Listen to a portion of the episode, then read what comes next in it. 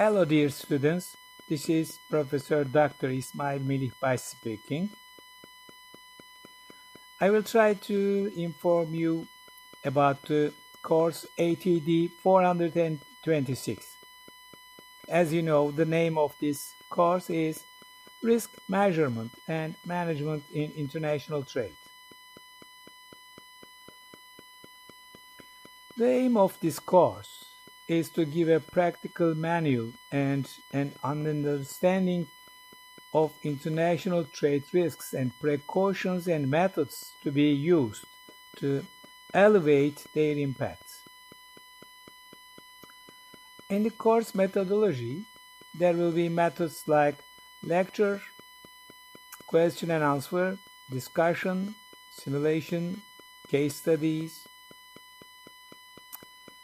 in the course evaluation methods, you will take two exams uh, in classical form, one visa and one final, and also you will undertake a project.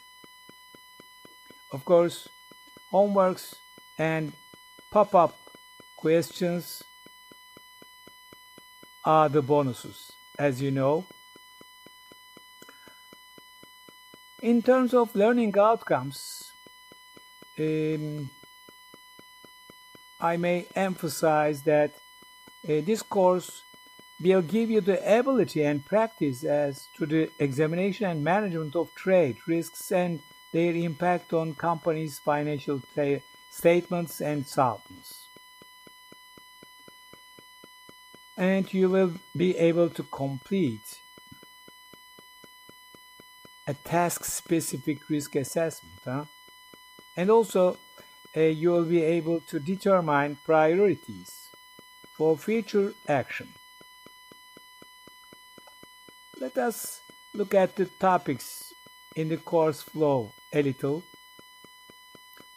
In the very first week, we will take a look at the uh, title Risks in General perhaps focusing on World Economic Forum Global Risks Report will be beneficiary for that aim.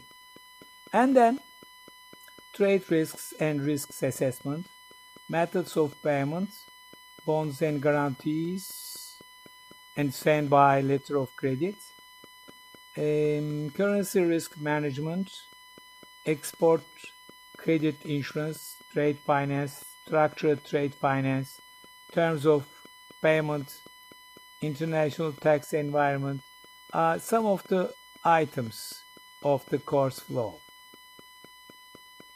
For the course, a textbook uh, will be recommended to you.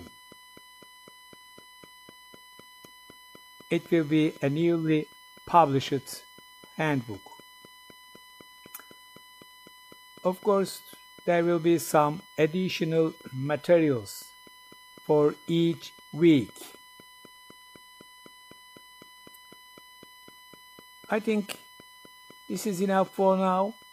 Uh, of course, uh, you can take a look at the syllabus also. If you choose this course as an elective, let us uh, see you in the class. Bye bye for now.